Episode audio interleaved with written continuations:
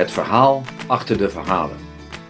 Welkom bij de podcast van Hans van Woerkom, presentatiecoach en storyteller. Er zijn drie rubrieken. Eerst een vertel- of presentatietip of een kort verhaal. Daarna een interview met een bevlogen ondernemer. En tenslotte een verhaal gewoon om van te genieten. Veel plezier bij het verhaal achter de verhalen.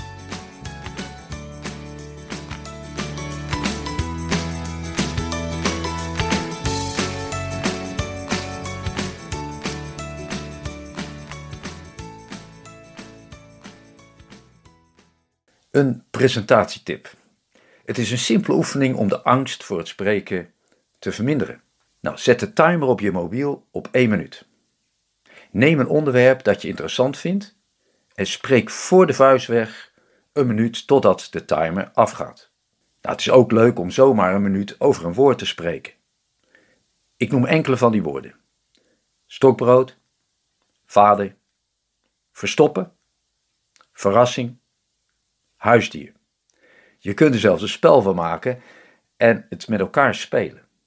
Nou, veel plezier ermee. Uh, goedemiddag, uh, dit is weer een nieuwe aflevering van de podcast Het Verhaal achter de verhalen. En vandaag heb ik te gast een filmmaker en dat is Martijn Krijtenburg. En ik ben gek op film maken op allerlei manieren, dus ik ben heel benieuwd wat uh, Martijn ons vanmiddag gaat vertellen. Nou Martijn, welkom. Dankjewel Hans. Ik ga eerst een paar algemene vragen stellen. En de eerste vraag is: eh, wat was vroeger, mag ook nu zijn, een favoriet boek van jou?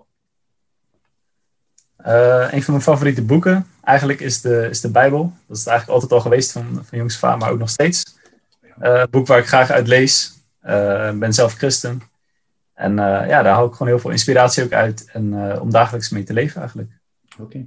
En wat is nou bijvoorbeeld iets wat jou dan inspireert in de Bijbel? Um, eigenlijk heel veel dingen, maar een van de dingen die mij het meest inspireert is het verhaal van Jezus zelf. Uh, in het Nieuwe Testament, uh, ja, hoe hij leefde, hoe hij uh, ook dingen voorleefde. Eh, ook dingen meegaf die eigenlijk nu nog steeds gewoon van toepassing zijn, zoals normen en waarden. dingen die goed zijn om te doen in het leven, dingen waar je juist beter niet voor kunt leven. Ehm, dat, ja, dat vind ik altijd gewoon bijzonder. nou, voor de rest staan ook in het Oude Testament wel echt gewoon hele mooie verhalen, zoals het verhaal van Jozef ja, wat gewoon tot verbeelding spreekt, uiteraard. Jozef en de dromen. Um, en, en ook nog veel meer verhalen die gewoon heel leerzaam, maar ook heel inspirerend zijn. Ja, ja het verhaal van Jozef is natuurlijk ook mooi. Ik, ik, heb zelf natuurlijk ook, eh, nou niet natuurlijk, maar ik heb voor de klas gestaan. En ik heb heel vaak het verhaal van Jozef ook verteld. En natuurlijk ook uh, allerlei verhalen van Jezus. En uh, ja, inspirerend. Ik kan, kan met je meevoelen daarin. Ja. is er nog een ander boek wat je misschien erg mooi vindt? Of fijn vindt te Ja, zeker. Zeker. Ja, ik ben momenteel uh, boek aan het lezen uit de serie van Levend Bewijs. Of deel 1 is dan Levend Bewijs van Craig Parshaw. Um, en dat is een vijfdelige serie over een advocaat in Amerika. Gewoon fictie. Um, maar gewoon heel mooi omschreven en ook heel interessant om te zien hoe dat systeem in Amerika in elkaar zit met advocaten en met de, met de rechtszaken. En het, gaat, ja, ziet natuurlijk gewoon heel anders uit dan hier in Nederland, wat we hier gewend zijn. Uh, en hij beschrijft het gewoon heel interessant en heel boeiend. Dus dat vind ik een leuk boek om te lezen. Uh, voor de rest lees ik ook wel veel boeken die te maken hebben met mijn vak. Over storytelling. Over hoe andere mensen verhalen vertellen. Dat vind ik gewoon heel boeiend. En daarin kunnen we elkaar zeker ook vinden. ja, dat uh, kan je wel zeggen. Ja, storytelling, dat ja. is mijn grote passie. Ja, mooi, Precies. mooi, mooi. Ja nou kom ik gelijk bij een film. Ja, je bent natuurlijk filmmaker, maar wat is nou een film die je echt geweldig vond of nog steeds vindt? Of die je echt geïnspireerd heeft? Kan je er eens één of twee noemen? Ja. Ja, uiteraard zijn er heel veel films op te noemen, maar een film die ik uh, een tijdje geleden heb gezien vind ik wel heel bijzonder.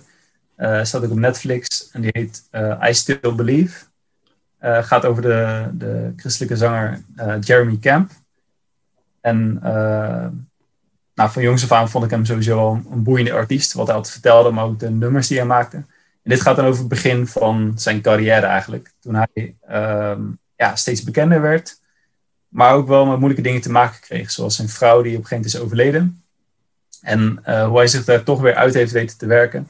ook door middel van zijn geloof. Dus dat spreekt mij dan uiteraard ook aan. Maar het is ook gewoon heel mooi, heel mooi verteld in deze film. en echt een aanrader om eens een keer te bekijken. Omdat het gewoon echt laat zien dat het leven veel meer is dan alleen maar gewoon je ding doen.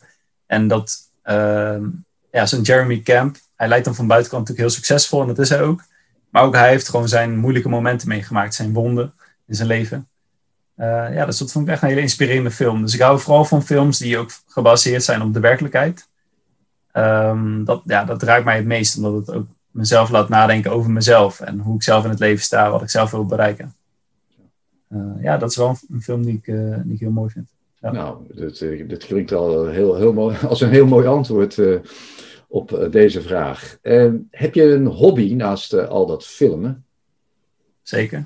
Ja, ik hou heel erg van sporten. Eh, ik heb zelf vroeger heel veel gekorfbald. later ook best wel wat gebasketbald. Um, gewoon op straat, vaak met vrienden. En later ook met jongeren hier, in de, hier vlakbij in de wijk, in de Schilderswijk. Ja. Ehm, ik heb ook een aantal jaar voor de klas gestaan en daar heb ik ook een paar jaar gym gegeven. Dus ja, sport vind ik heel leuk. Ik moet zeggen, de laatste tijd doe ik het minder dan ik zou willen.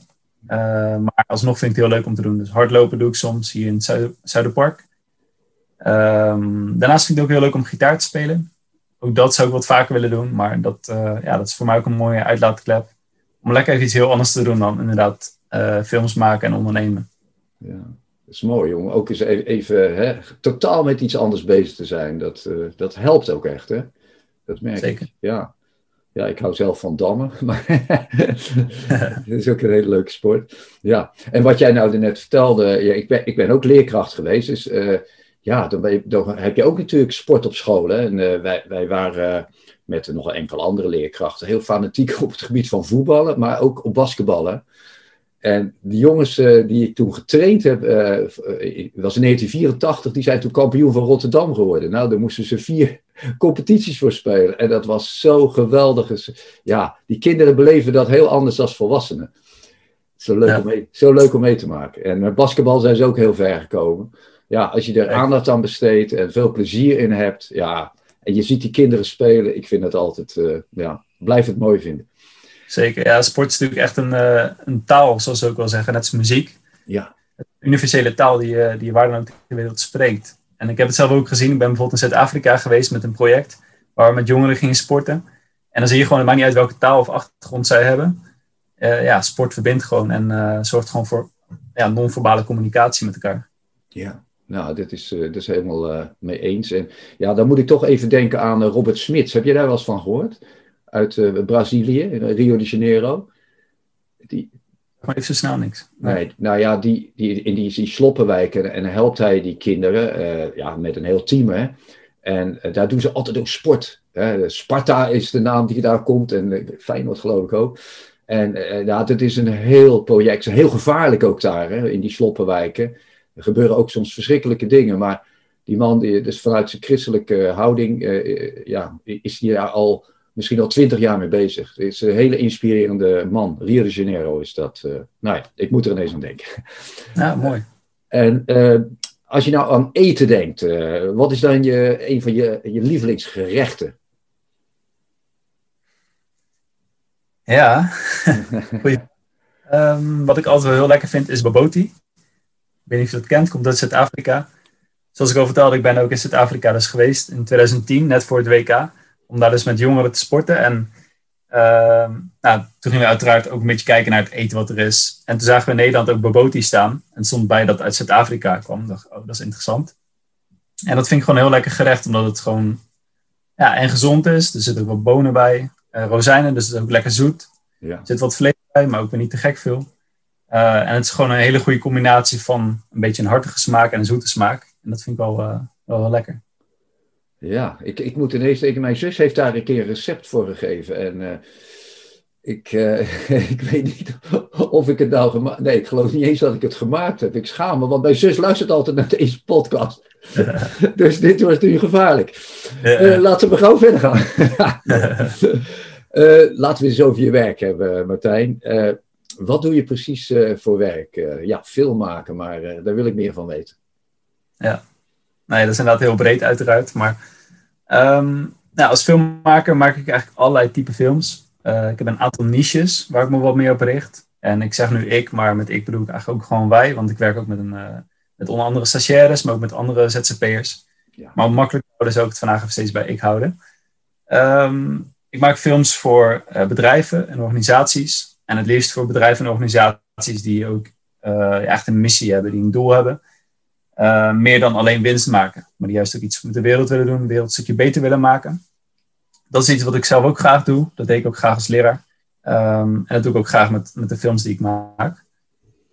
Um, daarnaast maak ik films voor, uh, voor bruidsparen, voor mensen die gaan trouwen. En ook dat vind ik heel mooi om te doen, want die laten juist daarin ja, zien dat ze om elkaar geven, dat ze met elkaar willen verder leven. En zo'n film is natuurlijk een heel mooi document om later ook nog gewoon voor zichzelf te hebben. Om te zien, oh ja, daarom kozen we voor elkaar. Juist in deze tijd waarin ook heel veel mensen scheiden, is het denk ik heel mooi om dan weer terug te kunnen blikken en te kunnen denken, oh ja, dat is waarom we van elkaar houden. Ja. Dat vind ik mooi om te doen. En ook daarin zoek ik echt het stukje storytelling, waar ik het ook eerder ook al even over had. Ik probeer juist kort en krachtige films te maken, waar bijvoorbeeld de geloftes, maar ook de gesproken woorden centraal staan. Waardoor de kijker echt helemaal wordt meegenomen gecombineerd met cinematische muziek. En nou ja, dat het gewoon echt een beleving is. Waarvan je hopelijk na vijf minuten denkt, wow, het is nu heel voorbij, ik wil het nog een keer bekijken. En dat probeer ik uiteraard aan allemaal films voor elkaar te krijgen. En een andere niche is de schoolpromotiefilm.nl. En daarmee richt ik me vooral op scholen. Omdat ik dus inderdaad vanuit onderwijs, uh, uit onderwijs kom. En daar ook zag dat scholen eigenlijk gewoon niet zoveel doen op het gebied van marketing. En ja, video is bij uitstek, vind ik, een heel mooi middel om aan de, de huidige ouders te laten zien van leerlingen wat een school doet. Maar ook aan nieuwe ouders die leerlingen op school kunnen plaatsen. En daarnaast ook uh, om leraren te werven, wat natuurlijk ook tegenwoordig steeds moeilijker is. En daarin vind ik film een heel mooi middel om, uh, ja, om scholen beter op de kaart te zetten. Ja, helemaal mee eens. Uh, ik wil eens even terug op die uh, bruidsparen. Ik heb er net ook weer een paar filmpjes zitten bekijken, deels. En het valt me, ja, het is storytelling. Het is absoluut storytelling wat je daar uh, laat zien. En ik vind het zo bijzonder dat het zo ongelooflijk persoonlijk is. mensen zeggen daar dingen, dus zo. Nou, ik weet nog niet, ik, ik, ik ben ook heel makkelijk in mijn mening geven en dergelijke. Maar die mensen die zeggen daar nogal wat hè, over hun relatie. Hoe ja, is dat uh, standaard dat mensen zo makkelijk daar over zichzelf dat soort dingen gaan vertellen? Of ja, zijn dat de uitzonderingen? Of, of komt het door jouw aanpak? Of vertel eens. Ja, goede vraag. Het verschilt uiteraard per bruidspaar hoe ze daarin staan. Sommige bruidsparen die, uh, die zeggen in een kennismakingsgesprek van nee, we willen gewoon helemaal niks vertellen. We willen helemaal niet bij een ceremonie ineens ons hart gaan, uh, gaan openen voor elkaar. Um, maar steeds meer stellen willen dat wel doen. En die zien dat ook in andere films en op andere bruiloften. En die vinden het toch mooi om niet alleen maar ja te zeggen, maar ook gewoon wat meer erbij te vertellen. Maar tegen de bruidsparen die het vaak wat moeilijker vinden om dat te doen, zeg ik ook van, nou, wat ook kan, is dat, ik zocht, dat jullie een brief aan elkaar schrijven. En dat ik dat ochtends bij jullie allebei gewoon opneem, terwijl je dat voorleest. Waar alleen ik bij ben en misschien de fotograaf, maar voor de rest helemaal niemand. Um, zodat ik die woorden ook weer kan gebruiken voor de film. En wat uiteraard ook heel leuk is, want als ze dan later de film terugkijken, dit stukje hebben ze natuurlijk niet meegemaakt van elkaar. Dus dan horen ze ineens die gesproken worden uh, voor het eerst eigenlijk. Ja. En dus ja, op die manier probeer ik ze ook wel te stimuleren om dat te doen. En als ze dat spannend vinden, dat het op een andere manier dan wordt opgenomen. En sommigen willen het helemaal niet. Uh, nou, dus uiteraard zijn ze er helemaal vrij in om daarvoor zelf te kiezen. En dan kies ik er vaak voor om juist uh, bijvoorbeeld de woorden van een ambtenaar of de speeches te pakken of andere woorden. En heel veel woorden staan wel echt centraal erin, omdat dat gewoon echt een soort extra laag is, vind ik, in zo'n film. Dan alleen maar muziek en alleen maar het ja-woord. Ja, precies. Uh, en maakt het nou ook nog uit of mensen, uh, ja, zou ik dat zeggen, veel ingrijpende dingen hebben meegemaakt van tevoren? Want ik, ik merkte bij sommigen dat er nog wel eens wat gebeurd was voordat uh, eigenlijk echt dat ze gingen trouwen. Ja, het zou kunnen dat het meespeelt, maar het is denk ik ook wel weer iets meer deze tijd. Ja. Waarin mensen denk ik toch wel eerder doen dan bijvoorbeeld een paar generaties geleden. Ja. Waar überhaupt eigenlijk niet gefilmd werd of nauwelijks op bruiloften. Nee. Um, maar ze zien natuurlijk heel veel voorbeelden en ze vinden dat heel romantisch. En wil ook wel beseffen dat het ook heel waardevol is om juist op zo'n moment die woorden uit te spreken. Ook omdat ze dan op deze manier eigenlijk uh, ja, een soort van verheerlijkt worden zeg maar, in een film. En je ze altijd nog kan terugkijken. Ja, en is het nou uh, zo dat je voor elk uh, uh, ja, zeg je voor elke film die je gaat maken al meteen door hebt welke muziek daarbij hoort? Want dat is toch wel even nog een dingetje. Ja. Uh, toen ik begon met bruiloftsfilms maken, dat is alweer in 2014, toen um, wacht ik vaak inderdaad de dag af om daarna te bepalen wat voor muziek ik erbij wilde doen. Dus de ene keer was het heel vrolijk en met veel zang, de andere keer iets, uh, ja, iets romantischer, zeg maar, dus iets uh, Maar later ben ik ook wel, um, ook doordat ik op een gegeven moment een dag heb gevolgd bij een andere videograaf, heb ik ontdekt dat het ook wel goed is om op een gegeven moment gewoon een bepaalde stijl te hebben. En die stijl die hij deed, vond ik echt gewoon heel bijzonder. Dus hij, hij deed ook kort en krachtige films met bepaalde type muziek. Uh, bepaalde ja, ook dramatische kant eraan in de bruiloft. En dat, uh, dat sprak mij aan en dat ben ik eigenlijk ook gaan doorzetten. En op een gegeven moment dacht ik ook, weet je wat, als ik nou alleen ongeveer die stijl laat zien, dan weet de bruidspaar ook dat ze kiezen voor die stijl. Dus op een gegeven moment ben ik gaan kiezen voor, uh, ik noem het vaak de Hans Zimmer-achtige muziek. Dus echt heel cinematisch. Vaak dat je denkt, als je het hoort van, wow, dat is wel heel dramatisch. Maar ik merk vaak als ik aan het monteren ben, dan denk ik, ja, nee, het past er toch bij. En dat geeft zo'n extra laag gewoon aan zo'n video. Zo'n film bestaat dan voor mij echt uit, uit drie lagen. En dat is uiteraard de beelden, de woorden waar we het net over hadden, maar dus ook de echt cinematische muziek. Oké. Dat bestaat vaak uit violen, uit uh, ja, de stijl cinematic, waar ik dan vaak op selecteer. Um, ja, maar uiteraard kijk ik wel een beetje hoe, hoe die bruiloft is geweest en wat bij bruidspaar past. Maar tegenwoordig is het wel steeds meer gewoon, dat is gewoon de stijl en dat is gewoon wat ze krijgen. Oké. Ja. Eh, maar waar vind jij dan die muziek? Uh... Ik ben geabonneerd op een, bepaald, uh, bepaald, een bepaalde website. En op die website kan je gewoon muziek uitkiezen aan de hand van um, in muziekinstrumenten, maar ook aan de hand van stijl of aan de hand van de stemming. En op die manier kun je dat dan, uh, kan ik dan daar muziek van aanhalen. En dan betaal ik gewoon een x bedrag per jaar. En dan kun je gewoon uh, onbeperkt dat gebruiken, zonder dat je per nummer licenties hoeft af te dragen. Ja, dat principe ken ik. Ik heb dat ook een keer, uh, tenminste met mijn podcast heb ik ook een, ja, even, even een kort abonnement genomen, want ik vond de wijk een beetje te gek worden, omdat ik te weinig van de, ervan gebruik uh, ging maken. Maar het idee, ja, de, je hebt zoveel mogelijkheden dan en ja, er is vast wel iets van je gading bij, neem ik aan. ja, zeker.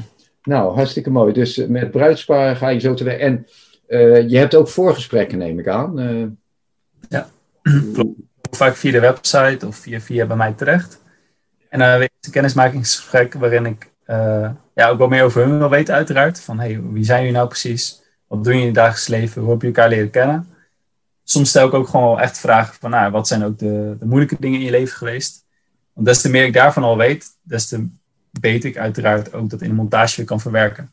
Dan zoek je dus vaak toch naar een beetje drama. In de zin van, wat zijn de, de gevoelige momenten? Wat zijn de emotionele momenten? Want dat maakt voor mij een film in elf echt romantisch en diepgaander dan gewoon een leuk filmpje. En jij bent ook wel een keer naar Griekenland geweest, klopt dat? Uh, ja, klopt. Ja. Dat vind ik nog wel wat, zegt. Dus die mensen eh, nemen je mee eh, om daar uh, te gaan filmen. Ja, ja, dat is wel heel romantisch. hè? Ja. ja, heel gaaf. Hele mooie plek. En ze hadden een mooie villa afgehuurd en daar sliepen ze dan met z'n allen. Wij zaten wat verderop in een hotel ja, gewoon een super mooi eiland, uiteraard om te zijn, midden in de zomer. En ze hadden een mooi verhaal, mooie geloftes. En ze zagen er goed uit. Dus ja, alle ingrediënten, zeg maar, voor. ja. En uh, als je nou aan het filmen bent, dat doe je dan alleen uh, in zo'n situatie? Uh, bij deze bruiloft was ik inderdaad alleen. Ja. En, dus soms met iemand anders erbij. maar in het buitenland hebben we dat toen niet gedaan. Maar in Nederland film ik ook wel eens met een second shooter, zoals het heet. Een tweede videograaf die dan ja, ook meefilmt. Ja. En, en heb je dan uh, uh, zo dat je alles filmt of uh, dat je denkt van nou, dat laat ik zitten of maak je dan een plannetje van tevoren? Mm, steeds minder, maar ik, al, ik heb al heel veel bruiloften geschoten. En als ik dan, ik weet uiteraard hoe de planning eruit ziet, dus dan weet ik ook wat de belangrijke momenten zijn en welke momenten ik extra moet pakken en welke momenten ik niet per se hoef te filmen. Of minder. toen ik net begon, ja, toen filmde ik echt alles. Want ja, stel je voor dat je iets mist. oh ja, ja. Dan weet ik uiteraard wat ik wil schieten. Ja. En wat de mooie momenten zijn, wat ik, ja, waar ik iets meer zelf kan regisseren. Zoals bijvoorbeeld bij de fotoshoot of bij het opmaken. En waar ik ook iets meer gewoon juist moet terug moet trekken. Op momenten dat ik gewoon, uh, het gewoon moet laten gaan en gewoon moet kijken wat gebeurt er. En wat ik dan vaak doe, is ik ga gewoon op een plek even kijken. Als er niet zo heel veel gebeurt, zeg maar bijvoorbeeld bij een receptie, zoek ik vaak ook de kinderen op, want kinderen zijn vaak heel spontaan en open. Ja. Volwassenen die staan maar gewoon een beetje te kletsen, maar kinderen gaan gewoon lol trappen. Die eh, gaan ja, allerlei dingen doen. Ja, dus op die manier doet het eigenlijk. Nou, het eh, klinkt hartstikke, hartstikke mooi. eh. En eh, dat werk voor scholen, dat, dat vind ik ook heel interessant. Eh, volgens mij ben je begonnen met de school waar je zelf gewerkt hebt. Kan dat? Ja, klopt. Je- Daar mijn eerste film geweest. Ja. Ja, heb ik een aantal films sowieso voor gemaakt. Ondertussen een promotiefilm. ook een, eh, eh, s- een vacaturefilm met een aantal leerlingen. En nog wat kennisvideo's en nog wat andere video's inderdaad. Maar langzaamaan ben ik het ook voor meer partijen gaan doen. Zoals bijvoorbeeld voor de gemeente Den Haag heb ik een aantal films gemaakt voor scholen die eh, eh, genomineerd waren om de sportiefste school van Nederland te zijn. Oh ja. Korte films voor maken. Eh, dat heb ik de afgelopen week ook een paar keer gedaan, maar dan weer voor de KVLO, dat is de gymbond eh, van Nederland. En dan ging deze keer om de sportiefste middelbare school van Nederland. Dus dan reisde ik gewoon het hele land door, eh, van Amersfoort tot Nijmegen tot Amsterdam, om, eh, om films te maken ook weer. Oké. En wanneer was dat dan, eh, dat je dat deed? Ehm, dat is twee weken geleden. Oké. En, en daarvoor nog een aantal weken. Dus ben ik vijf dagen op pad geweest, eigenlijk op vijf dagdelen. Oké. En, en hoe krijg je nou zo'n opdracht voor, voor zulke, ja, voor zulke films? Dat verschilt heel erg uiteraard. In dit geval was het, zoals ik al vertelde, gaf ik eerst les op school. Gaf Ja. ik ook Op een gegeven moment zei ik tegen iemand van gemeente Den Haag dat ik voor mezelf ging beginnen als filmmaker. Toen kwam die klus voorbij van de sportiefste scholen, alleen dan dus twee in Den Haag of drie. Vervolgens eh, werden die verkiezingen gehouden bij Sportcampus Zuiderpark. Nou, daar woon ik dus vlakbij. Daar hebben we een aftermovie van gemaakt. En zo kwam ik in contact weer met degene van het KVLO. En eh, daarvoor zouden we eerst vorig jaar ook weer een, een aftermovie maken, maar dat ging niet door in verband met corona. Nou, toen hebben we nog, of vorig jaar hebben we nog andere films gemaakt, in samenwerking met weer een extra stichting er weer bij. Ja. Eh, en zo, ja, zo gaat het wel vaker. Dus gewoon vaak langdurige relaties. Eh, soms voorspel je het ook niet echt van tevoren, maar die, dat zijn vaak wel de, de beste relaties ook, vind ik. En de meest duurzame. Ja, ja, het is prachtig dat je dat. dat en, en mensen zien op een gegeven moment jouw werk. Hè? En- dan, eh, ja, dat is natuurlijk ook. Jouw reclame is eh, ja, jouw werk, tenminste dat werk, eh, hè, dat wordt bekeken, dat wordt vertoond. Dus dan, ja, het is wel handig, handig werk wat dat betreft. Hè? Zeker. Dat Ja. mensen denken van, hé, hey, ziet hoe jij te werk gaat, tenminste hoe het, het eindresultaat zien ze dan. Dan denken ze zo, dat ziet er niet verkeerd uit. ja. En Ja. hoe is dat werk op die basisscholen? Hoe, hoe ga je daar te werk? Eh, Ehm, nou, in dit geval vertelde ik even wat voorbeelden van die sportiefste scholen. Dus dan werden het gewoon korte filmpjes waarin ze lieten zien waarom ze sportiefste school zijn. Maar dat is maar een, iets wat er gewoon bij is gekomen. Ja. Eh, maar schoolpromotiefilm.nl, zoals de naam al zegt, Ja. dan eh, wil ik echt de school zelf echt op de kaart zetten. Dus zoals laatst ben ik naar Delft naar school geweest.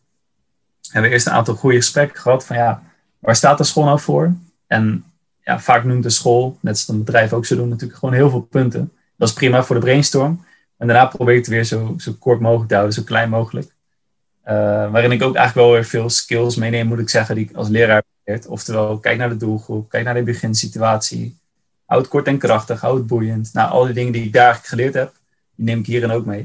Ja. Dus vaak komen we dan op een aantal pijlers waar de school voor staat. Dus zeg maar drie tot vijf die we echt uitkiezen. En dan gaan we twee dagen filmen. En dan ehm, ja, filmen we dingen die passen bij die onderwerpen. Bijvoorbeeld in de kleuterklasse, als we iets willen vertellen over de overgang van peuters naar kleuters. Of eh, als we echt iets willen vertellen over de vakleerkrachten die er zijn met gym, met muziek, et cetera. Dan filmen we juist dat soort shots. En een heel groot gedeelte, vaak een dagdeel of meer, bestaat echt uit interviews. Dus dat zijn soms echt gewoon twee uur aan filmmateriaal uiteindelijk. Met alleen maar interviews. Die ik dan weer terugwerk naar drie minuten. Wat uiteraard een hele grote uitdaging is en soms best pittig is. Maar ik doe bewust op die manier een interviewstijl, zodat de mensen echt authentiek antwoorden. Vaak weten ze ook niet precies van tevoren wat ik ga vragen. Zodat ze echt gewoon vanuit hun hart vertellen. ja. Ehm, en net is wat ik dus in bruiloftsfilms belangrijk vind, dat, ze, dat het ook gewoon echt vanuit het hart is en vanuit de emotie. Wil ik dat bij scholen ook. En dat het niet zomaar een voice-over wordt die zegt, ja, onze school is geweldig, want dit en dit en dit. Ja, dat geloven mensen niet. Mensen willen gewoon echt antwoorden horen. En het liefst van de, van de leerlingen en de ouders. Ja. Die uiteraard het meest onbevoordeeld. Ja. En, maar daarnaast uiteraard ook interview met een directeur, met leraren. Ja, want, want dat zie ik ook bijvoorbeeld, dat, dat de kinderen die, die ja, zou ik zeggen, die zijn een soort gast. Het lijkt wel alsof ze een soort gast, uh, gastkinderen zijn, als het ware. Hoe, hè? Gastvrouw, gastheer. En zij leiden dan soms uh, uh, ja, de kijker mee door de school. Zo van, wat is hier te doen? Dat vond ik wel een hele aparte insteek. Die, die had ik daarvoor nog niet eerder gezien. Dus, dus dat is iets waar je doelbewust voor gekozen hebt. Ja, die promotiefilm wel inderdaad. Je hebt denk ik die promotiefilm van de Koningin Beatrix School waar de kinderen de hele school lieten zien. Ja. Klopt dat? Uh, ja, ja, precies. Maar ik heb het nog op een andere school, dacht ik, ook gezien. Dat er uh, dat vooral kinderen ja, iets vertelden over uh, ja, wat, wat, ze leerden, wat ze leuk vonden. Ja. En zo door de school heen. Ja. ja. Nee, dat is wel het leukste uiteraard. Want dan, ja, dan, als ouder vind je het überhaupt leuker natuurlijk om naar kinderen te kijken die gewoon spontaan dingen vertellen. Ja een, eh, een leraar die uiteraard altijd zal zeggen dat de school goed is. Ja, precies. Dat ze, ja, alles op maat is, enzovoort. Uh, maar als leerlingen dat vertellen, of ouders, uh, dat is toch, dat is toch anders. Heel goed. Ja. Dat is toch anders, hè? ja. En hoe ben je nou uh, bij dit werk terechtgekomen? Je, je bent dus, dat is in het onderwijs. En hoe, hoe ben je nou op het pad gekomen? Um, nou, als je nog even hebt, dan uh, ja, nou, ja. een langere podcast. Maar nou, nou ja, begon eigenlijk bij... Uh, uh, comprimeren. ik, ga de, ik ga de korte versie doen. Ja. ja het begon eigenlijk bij mijn opa. Die, ja. die filmde altijd al. En die had echt nog zo'n lekker grote camera. Zoals ze die vroeger vooral veel hadden. En dan filmde hij in, in Spanje, waar hij veel naartoe ging met zijn vrouw. En dat vond ik altijd gewoon heel, gewoon heel magisch of zo. Dat je gewoon, een, gewoon iets kon filmen en dat je daar kon terugkijken. En Um, later heb ik wel eens gefilmd bij hem, waar we woonden, bij Paleis het Loo. En mocht ik ook een keer wel presenteren. Nou, dat vond ik ook heel leuk om te doen. En um, ja, filmen is iets wat ik gewoon altijd gewoon heel boeiend vond. Nou, op een gegeven moment was ik 12 jaar. Toen kocht ik mijn eerste uh, cameraatje van Lego. Met die camera kon je eigenlijk stop motion maken. Dus door middel van uh, fotootjes kon je dan poppetjes laten bewegen. Dus je, je zet een poppetje neer, je maakt er twee fotootjes. Je zet hem iets verder, je maakt er weer fotootjes. Ja. En een bepaalde software die erbij zat, kon je dan muziek toevoegen, kon je geluidseffecten toevoegen. En zo leerde ik in het klein eigenlijk al een beetje monteren. Nou, later toen uh, mijn eerste filmcamera gekocht. Toen dacht ik, nou, het is wel leuk om met mijn zussen en mijn ouders, als we toch op vakantie zijn, om dan een speelfilm te maken. Dus hebben we een speelfilm gemaakt, we noemden dat Strange Holiday. En uh, ik en mijn zussen waren dan de, de helden, zeg maar. En mijn ouders waren dan de, de bad guys. En hadden bedacht. Want we waren vaak toch drie weken op vakantie, dus we hadden ook lekker veel tijd. En op een gegeven moment hebben we nog een deel 2 gemaakt. En zelfs later nog een deel 3. Met, uh, met erin mijn vrouw zelfs ook nog. En de, uh, de numan van, van mijn zus. Um, en op die manier leerde ik eigenlijk heel spelende wijs hoe, ja, hoe je films kon maken. En wat wel werkt, wat niet werkt. Later ben ik een bruiloft een keer gaan schieten voor mijn neef. Die ging trouwen. Uh, heb ik promotiefilmpjes gemaakt voor projecten waar ik aan meedeed. En nou ja, ik vond filmen dus altijd gewoon heel boeiend. Maar tegelijkertijd vond ik onderwijs ook heel boeiend. Journalistiek leek me ook heel leuk. En ondernemen. Nou, uiteindelijk is het al drie samengekomen in één. Want uh, wat ik zei, ik neem heel veel mee vanuit het onderwijs. Sterker nog, ik werk ook in het onderwijs voor films en andersom. Ja. En uh, viel alles eigenlijk gewoon heel mooi samen. Ja, dat is een hele korte ja, nou, nou, je hebt het mooi samengevat. Ja, kijk, eh, waarom vind je dit werk zo leuk? Zit je, heb jij net verteld, hè? dat is mijn volgende vraag. Maar of, of kan je daar nog iets meer over zeggen? Waarom ik het werk heel leuk vind, is omdat um, ik hou van als mensen geraakt worden. Ik ben zelf ook iemand best wel emotioneel ingesteld aan de ene kant. En ik hou van om, om in gesprekken met mensen, om, uh, om dieper te gaan dan alleen maar hoe gaat het met je, oh, gaat goed om gewoon wat dieper te gaan. En ja, ik vind dat een film een heel mooi middel is om dat eigenlijk bij een kijker ook te bereiken. Je kunt de kijker echt tot actie aanzetten. Bijvoorbeeld wat ik zei, hè, als, als een bruidspaar na tien jaar bijvoorbeeld nog een keer ja, wat doorheen zit. Of het, nou ja, het mm. komt een beetje van het leven, je hebt kinderen. Wat dan ook. En je kijkt weer zo'n film en je, en je wordt gewoon geraakt door je eigen film. Dat lijkt me gewoon heel mooi als dat gebeurt. Ja. Um, maar, en da daarom wil ik me ook steeds meer gaan toebewegen met mijn bedrijf, die kant op. In de zin van echt films maken die ook impact maken. Dus films die goed zijn voor, voor mensen, voor de planeet. juist over dat soort onderwerpen ook gaan. Dat, eh, dat vind ik gewoon heel mooi. En zo ben ik ook steeds meer aan het oriënteren op de documentaire-achtige kant. Om echt wat meer andere films te maken. Waarin je ook wat meer de diepgang kan zoeken. En daarin dus ook mensen kan meenemen in je verhaal. En dat vind ik gewoon een mooi. Het is gewoon, als je bijvoorbeeld vergelijkt met fotografie. Wat ik ook heel mooi vind hoor. Maar dat is natuurlijk één stilstaan, één stilstaan beeld. Ja. Terwijl met film heb je en bewegende beelden. En je hebt gesproken woorden. En je hebt muziek. en dat prikkelt gewoon allerlei zintuigen. En dat effect op mensen, dat is gewoon zo tof. Zo moet ik ineens nu ook even denken aan een promotiefilm die ik toen een keer inderdaad van, mijn, van mijn school toen had gemaakt. Die toen later werd bekeken door alle leraren. En waarbij één iemand zei van, nou, die was gewoon emotioneel en gewoon geraakt. En dacht van, wauw, dat ik op deze school mag werken. Ja, dat vind ik gewoon fantastisch natuurlijk, als je dat gewoon kan bereiken. En uh, ja, dat, dat wil ik gewoon in al mijn films eigenlijk bereiken. Ja, dat is gaaf zeg. Ja, dat is echt, uh, dat is echt heel erg mooi. Uh.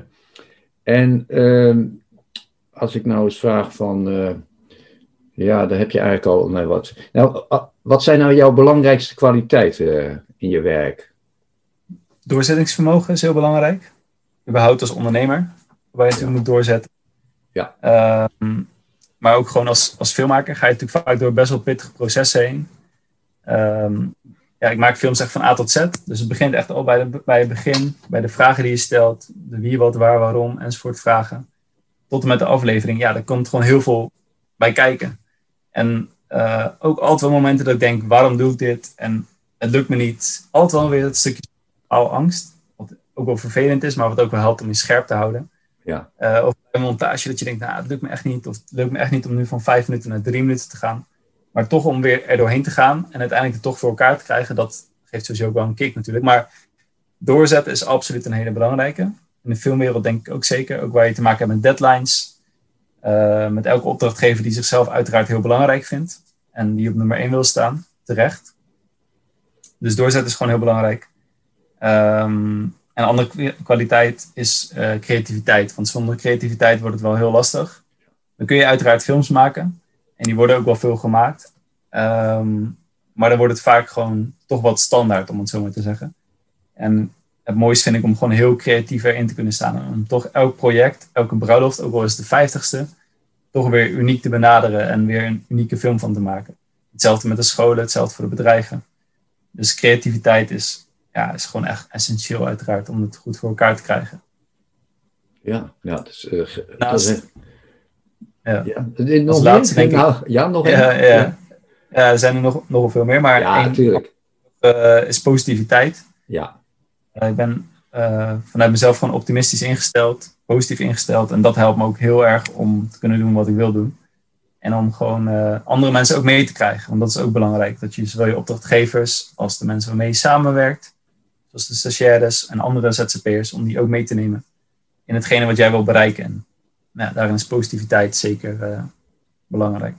ja. Nou, dat zijn hele mooie doorzettingsvermogen, eh, creativiteit en eh, dan natuurlijk ook de positiviteit. Ja, ik vind het, ik vind het hele, dat zijn hele mooie eigenschappen en dat, helpt, je- dat helpt je ook. Ik vind het vooral mooi wat je vertelde over hè, dat het ook af en toe een worsteling is. hè. Het gaat niet allemaal vanzelf. Hè. Het, hè, soms dan, eh, ja, hoe krijg je dat na drie minuten bijvoorbeeld?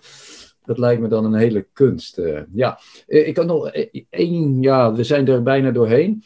Ik, ik, ik had nog een vraag over, ja, corona heeft natuurlijk wel jouw werk veranderd, hè? Of, of valt het mee? Nee, het heeft mijn werk heel erg veranderd, zeker. Ja, Ja, vooral voor deze tijd, zeg maar. Voor hoe Ja. lang. Kijk, als het na corona weet ik niet hoe het dan verder gaat, maar corona heeft sowieso een grote impact gehad. Ehm, net voordat, of net toen corona in het land kwam. ja. En toen op een gegeven moment donderdag werd aangekondigd dat er nog maar 100 mensen samen mochten komen. Toen was het natuurlijk best wel een schok Ja. voor iedereen. Maar direct dacht ik, oké, dit is dus de kans voor livestream. Iets wat ik heel lang achterwege heb gelaten. Omdat ik het eigenlijk niet wilde doen. Omdat ik liever gewoon echt heel creatief wilde zijn. En voor mij voelde livestream als iets minder creatief. Ehm, en ik niet altijd met alle apparatuur wilde sjouwen enzovoort enzovoort. Ja, Heb ik gewoon gelaten. Maar nu dacht ik, oké, dit is gewoon de kans om dat te gaan doen. En toen dacht ik al, ehm, volgens mij gaan ze zondag aankondigen dat gewoon maandag de scholen en zo dicht gaan. Nou, mensen die ik sprak, die zeiden van, nou, dat lijkt me niet. En eh, nou, die verwachten het niet. Maar ik had het toch zo verwacht. En uiteindelijk ging het ook precies zo. Die middag werd het aangekondigd en die maandag waren de scholen dicht. ik heb er al meteen op geanticipeerd van tevoren eigenlijk al. Dus het hele weekend heb, uh, ben ik met iemand gaan doorknallen eigenlijk op dit onderwerp. Heb ik opgebeld. Ik zei, kom, we gaan het hele weekend brainstormen over wat we allemaal kunnen doen voor die scholen. Want als die scholen dicht zijn, hoort er dan les gegeven. Nou ja, livestream lijkt me een mooie manier. Um, en toen hebben we hem verdiept, ondertussen ook de, de school gebeld waar ik uh, gewerkt heb. En gezegd, nou, we zijn ermee bezig. Goed om te weten voor jullie. En die maandag zaten we al bij die school uh, aan tafel. En heb ik eigenlijk fulltime die hele maand gewerkt om hun te helpen. In dit geval met Zoom. Om Zoom uh, te integreren in het onderwijs. Heb ik heel veel films voor hun gemaakt. Um, ondertussen kwamen ook andere opdrachten op mijn pad. Ik had een USB-stickje gekocht, waarmee je dan van een HDMI-aansluiting naar USB toe kon. Dus kon ik één camera live streamen. En die eerste vrijdag had ik al meteen mijn eerste bruiloft. Uh, gewoon met één camera, een microfoon. Um, en toen op een gegeven moment gaan doorinvesteren naar op een gegeven moment een heel, heel mengpaneel. Qua audio, maar ook qua uh, camera's, dat er meerdere camera's geschakeld kon worden. En ondertussen is het zover dat ik al heel veel bruiloft heb gelivestreamd. Dat andere videografen me daar ook voor vragen. Ook daarin was doorzetten uiteraard heel belangrijk. Want een paar keer dacht ik echt, weet je wat, laat maar zitten. Het is zo technisch. Ik hou veel meer van het creatieve. Maar ook door middel van een coach waar ik goede gesprekken mee heb gehad. Die ook zei van ja, zet nou maar gewoon door. Want als jij doorzet, terwijl anderen hier gaan stoppen, dan heb je er later profijt van. Nou, uiteindelijk was het heel wijs geweest. Ja. Want ik dus nu ook gewoon veel ingehuurd door andere videografen. En heb ik ondertussen dus heel veel bruiloften mogen livestreamen. Heel veel cursussen mogen livestreamen. Volgende week ook weer. Mogen we zeven livestreams verzorgen in een week. Wauw. Um, en is het gewoon een, echt een groot gedeelte geworden op dit moment van het werk. Zo, wauw. Ja, dit is geweldig. Hè? Dat is, uh, dat is, hoe zeg je dat? Het ijzer smeden als het heet is. Uh, hè? Zoiets. Uh, niet bij de pakken gaan neerzitten, maar ja, kijken waar liggen de mogelijkheden. En die zijn er. Er zijn altijd mogelijkheden. Zeker. Hè? Zeker. Dus ja. heel gaaf. Als je nou eens kijkt naar al die prachtige ervaringen die je, die je hebt gehad. kan je er nog eens e ten slotte eentje uitlichten waar je zegt van nou, dat vind ik wel leuk om er nog iets over te vertellen. Ja, zeker. Een paar jaar geleden ben ik met een, met een artiest meegeweest naar Roemenië. Die daar graag naartoe wilde gaan omdat het een plek is waar meestal bandjes niet komen. En hij wilde juist naar die plekken toe. Om hem ook gewoon te bemoedigen, ook vanuit het geloof. Het is een christelijke artiest. Um, en ik mocht met hem mee om dat vast te leggen en daar zelf een film van te maken. Waarbij ik eigenlijk alle vrijheid kreeg als er maar een film uit zou komen. Ja, dat vond ik super gaaf. Dus ik ben meegeweest in die tourbus. Heb gezien hoeveel lol ze met elkaar hadden. En waar we allemaal naartoe gingen en wat allemaal bij komt kijken überhaupt bij die concerten geven. Want ja, het concert zelf is uiteraard maar een klein gedeelte van alles wat, wat zij allemaal doen. Om ook gewoon echt de vragen te kunnen stellen die ik wilde vragen. Van, ja, waarom doe je dit nou? Wat drijft jou? Ja, waarom wil je hiermee impact maken? Op wat voor manier? En um, nou, uiteindelijk is er dus een korte film uitgekomen van ongeveer drie minuten. En ja, toen dacht ik echt van, oké, dit is waarom ik dit doe ik heb heel vaak getwijfeld van moet ik niet teruggaan naar het onderwijs. Want daar voelde ik elke dag dat het ertoe deed wat ik deed. Uh, maar toen deze film had gemaakt, dacht ik, ja, dit is waarom het ertoe doet. Want deze film die maakt gewoon impact op mensen. En laatst sprak ik die artiest ook nog en die zei ook nog dat, ja, dat mensen die film, dat ze nog steeds laten zien. Uh, als ze bijvoorbeeld uh, geld willen verzamelen om weer dat ze projecten kunnen doen. En nog steeds maakt het gewoon veel impact. En ja, dat, dat vond ik gewoon heel mooi. En toen dacht ik van dit soort films wil ik gewoon veel meer, veel meer gaan maken. Voor mensen, voor organisaties die juist niet winst vooraan hebben staan, maar juist het doel, het hogere doel. In dit geval het christelijk doel, maar ook gewoon, het kan ook een ecologisch doel zijn. Om de wereld gewoon uh, ja, een mooiere plek te maken. Uh, ja, daar valt alles voor mij eigenlijk samen. Nou, dit vind ik een prachtige afsluiting, uh, Martijn. dus uh, ja, jij wil mensen raken en dat, dat doe je met je films. En ja, het is een, prachtig vak, een prachtig ja, beroep wat je uitoefent. En ik heb er veel ja, bewondering voor en ook ja, vind, vind het klasse. Dus ik wil je hartelijk bedanken voor dit gesprek. En nou ja, alle goeds met je werk. Graag gedaan, Hans. Superleuk dat je me hiervoor gevraagd hebt. En ja, ik vond het ook een heel boeiend gesprek. Leuk om zo met jou ook in gesprek te kunnen zijn.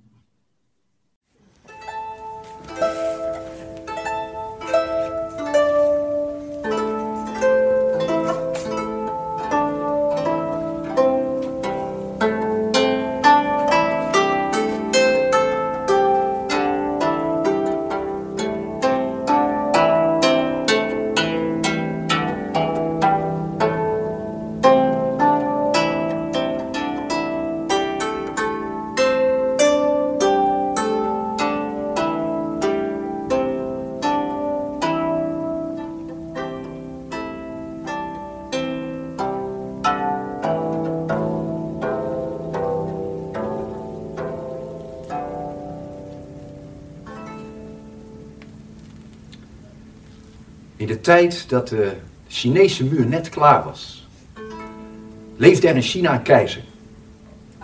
En die keizer hield van regels en wetten. Zo is het, zo moet het en zo blijft het. Hij had geen zonen, maar had wel één dochter waar hij zielsveel van hield. En hij dacht bij zichzelf, daar bel ik je niet meer. Ik wil wel dat ze een goede man vindt. Ja. Maar ja, hoe moest hij dat aanpakken? Hm. Hij liet haar bij zich komen en zei van Jin, want zo heette ze, Jin. Jin, luister eens. Ik zou graag willen dat je met een goede echtgenoot ja, het leven zal delen. Maar, uh, vader, ja, die wilt u natuurlijk voor mij gaan uitzoeken, hè? Eigenlijk wel, Jin, maar ik ken jou. En daar heb ik over nagedacht. Jij mag één eigenschap bepalen waar die toekomstige echtgenoot aan moet voldoen. Eén eigenschap. Daar moet ik even over nadenken, vader. Neem de tijd ervoor. Ze gaat de tuin in. En ze kijkt, het is een gigantische tuin. mooie vijvers, met grote heggen. Prachtig versierd allemaal. En veel bloemen. Vooral rozen. En ze denkt, wat zal ik nou voor eigenschap kiezen? Moet hij knap zijn? Maar ja, misschien is hij dan niet aardig. Moet hij aardig zijn? Nou, misschien is hij dan zo lelijk als de nacht. Ja. Wat voor eigenschap zal ik vragen? Ze blijft door de tuin lopen en ineens ziet ze de bloemen pas echt. Ze ziet rozen. Witte rozen, rode rozen, paarse rozen, paarse rozen, rode rozen, roze rozen. En de een nog mooier dan de andere, ineens weet ze het. Ze gaat naar vader. Vader, ik wil dat mijn toekomstige echtgenoot een blauwe roos voor me meeneemt. Een blauwe roos, is dat een eigenschap? En een blauwe roos bestaat toch niet? Nee, vader, maar ik wil graag bepalen of iets een blauwe roos is of niet. Zo ken ik je weer. Dat is een hele goeie. Zo is het afgesproken. Het wordt bekendgemaakt in het hele land. En misschien vraag je je af, komen er mannen in grote getalen? Wat een blauwe roos. Bestaat toch niet? Nou, het duurt een hele tijd. En dan is er een man, een zoon van een krijgsman. Een vechter is het, een strijder. Als kind was hij altijd aan het knokken. Ja, toen hij wat ouder werd, leerde hij vechten met het zwaard. En gooien met de speer.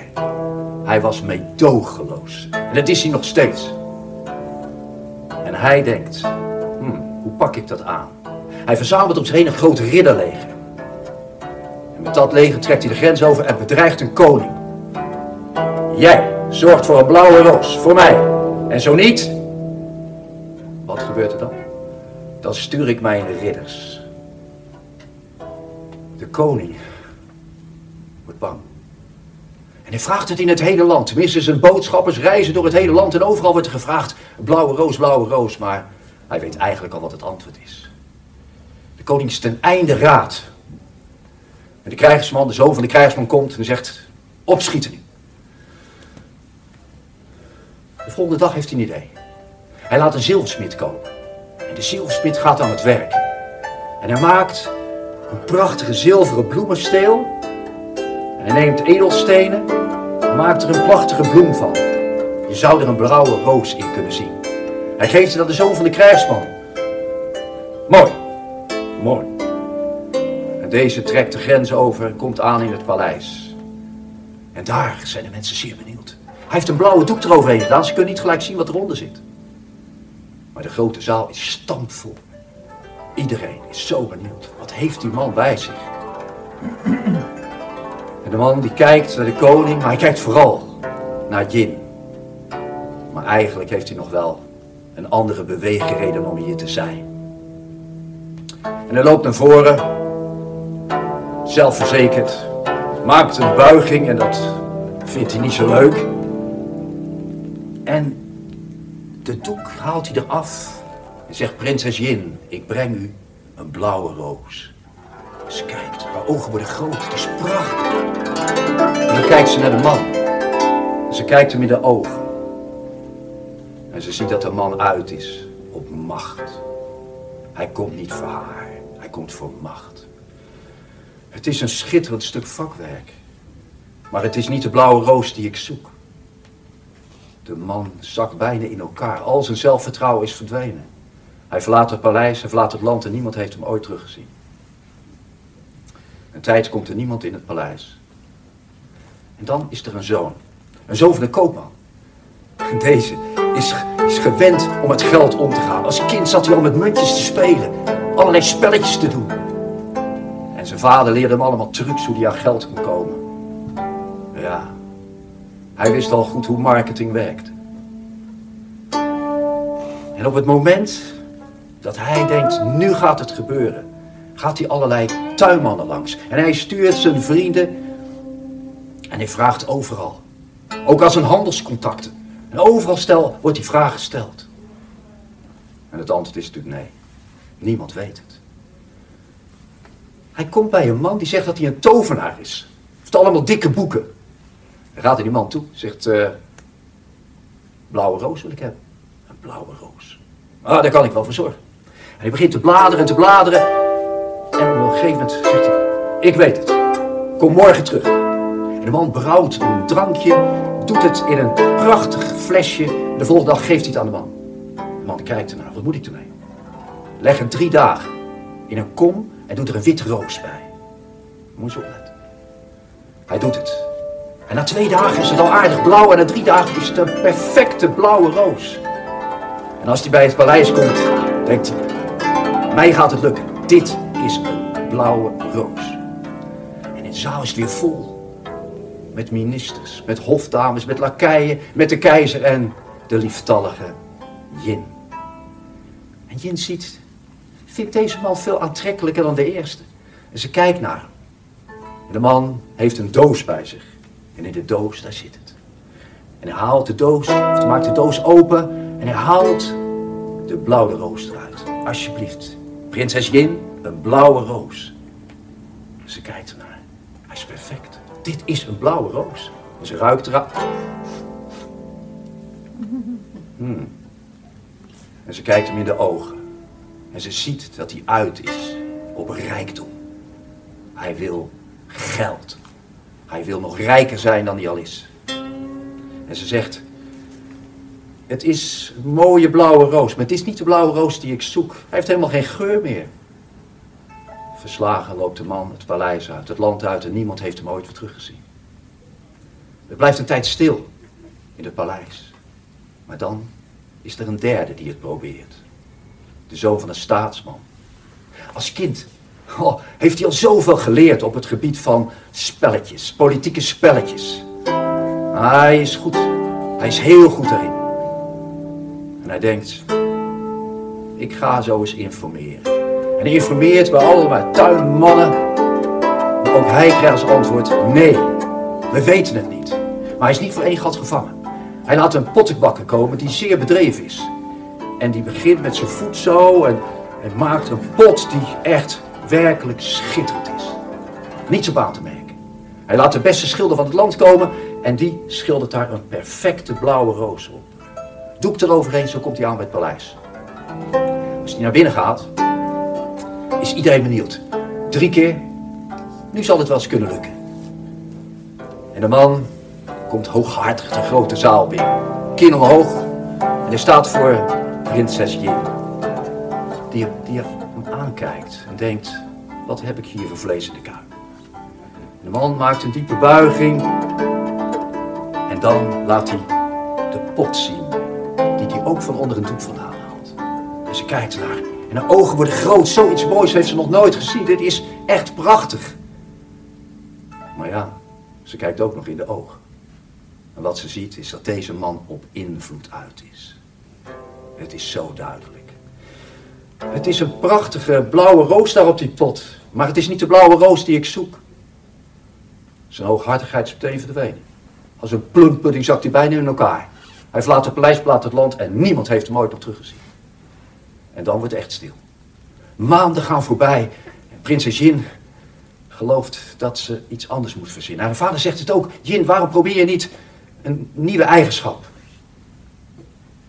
En Jin denkt, hmm, Ze loopt door de tuin. Ze dwaalt en ze willen weer teruglopen en dan hoort ze muziek. Zo mooi. Fluitspel. Wie is dat?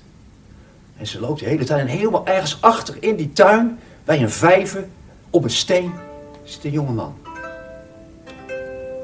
En meteen als ze zo naar hem kijkt, bevalt, bevalt haar wat ze ziet.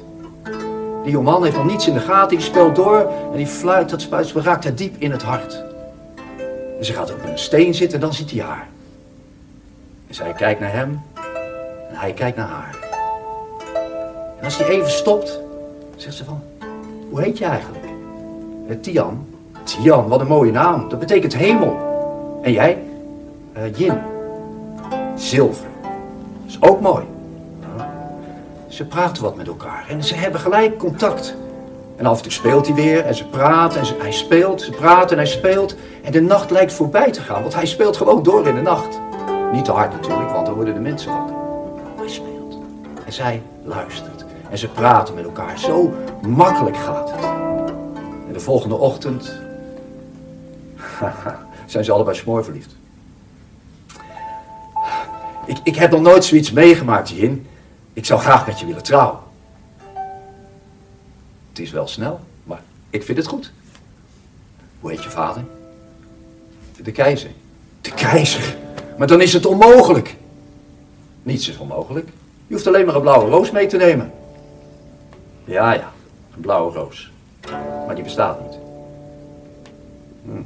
Ze loopt op hem af en ze geeft hem zo een kus. Een kus op zijn lippen. En daarna fluistert ze hem iets in het oor. En weg is ze.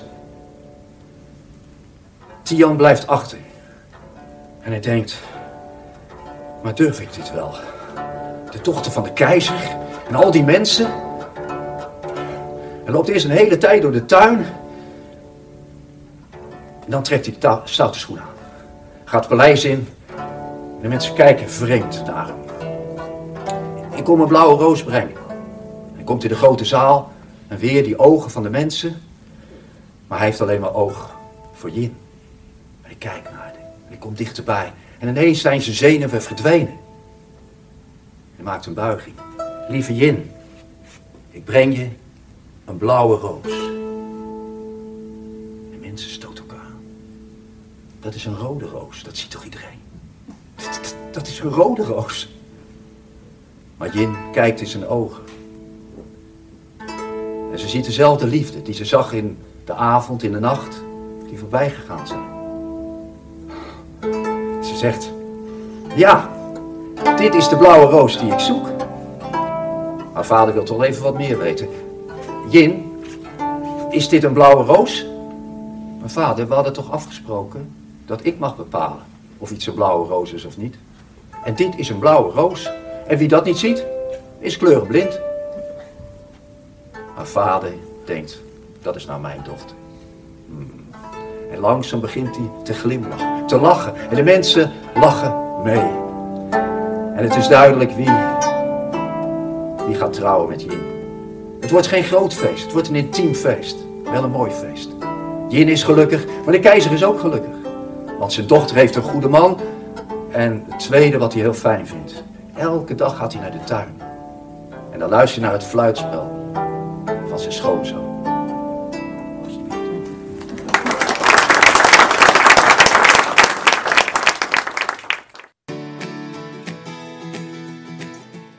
Bedankt voor het luisteren en tot de volgende keer.